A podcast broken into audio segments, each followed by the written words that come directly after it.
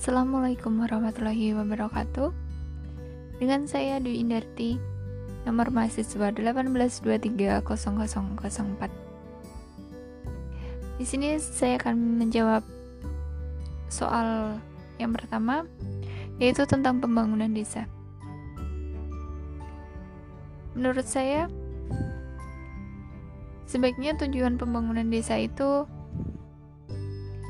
dapat meningkatkan kesejahteraan hidup manusia serta penanggulangan kemiskinan melalui penyediaan pemenuhan kebutuhan dasar, pemenuhan sarana dan juga prasarana, prasarana desa.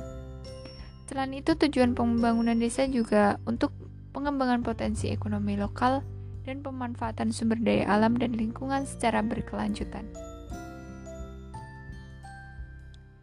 Pada Undang-Undang Desa Pasal 79 mensyaratkan keharusan pemerintah desa untuk melaksanakan perencanaan pembangunan desa dalam rangka menyusun visi bersama membangun desa antara masyarakat dan pemerintah desa.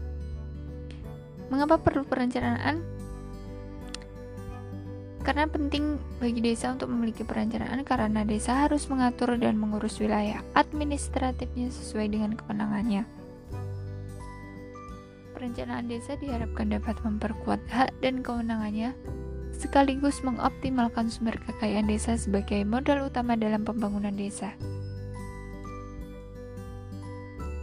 Pada pasal 80, pasal 81 dan pasal 82 Undang-Undang Desa mengharuskan perencanaan dan pelaksanaan pembangunan desa melibatkan seluruh masyarakat desa dengan semangat gotong royong. Selain itu, masyarakat desa dijamin haknya dalam memantau dan mengawasi pembangunan. Uh, salah satu caranya yaitu dengan melibatkan kelompok masyarakat miskin dan terpinggirkan dalam musyawarah desa, baik dalam penilaian kebutuhan maupun dalam proses pengambilan keputusan dalam tahap pelaksanaan musyawarah. Cara yang kedua yaitu bila ada hal-hal yang menghambat kelompok miskin terlibat dalam proses karena keterbatasan akses, kapasitas, dan apatisme, maka BPD dan fasilitator harus memperjuangkan kepentingan peningkatan kesejahteraan kelompok miskin dan terpinggirkan.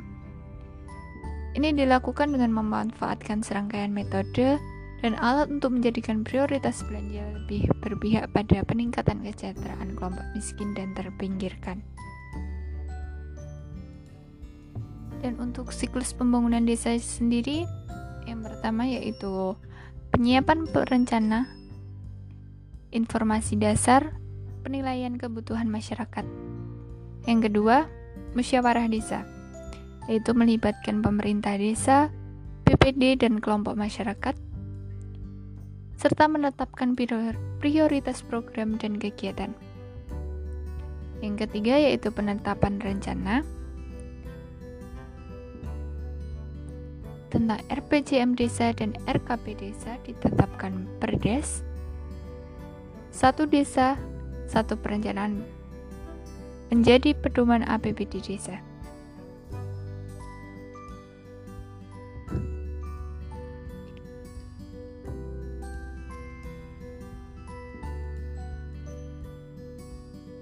Satu desa, satu perencanaan, dan perencanaan menjadi pedoman APBD desa serta masukkan dalam rencana kabupaten atau kota.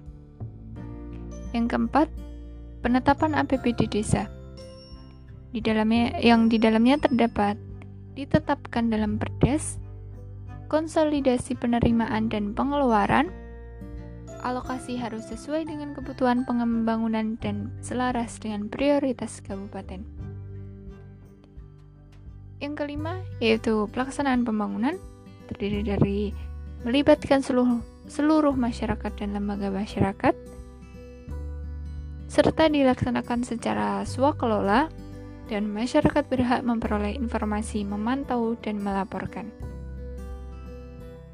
Yang keenam yaitu pertanggungjawaban, yang di dalamnya terdapat pemerintah desa menyampaikan laporan kepada masyarakat.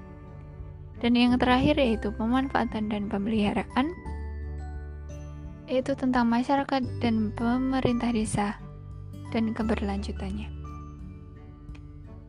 Demikian dari saya. Wassalamualaikum warahmatullahi wabarakatuh.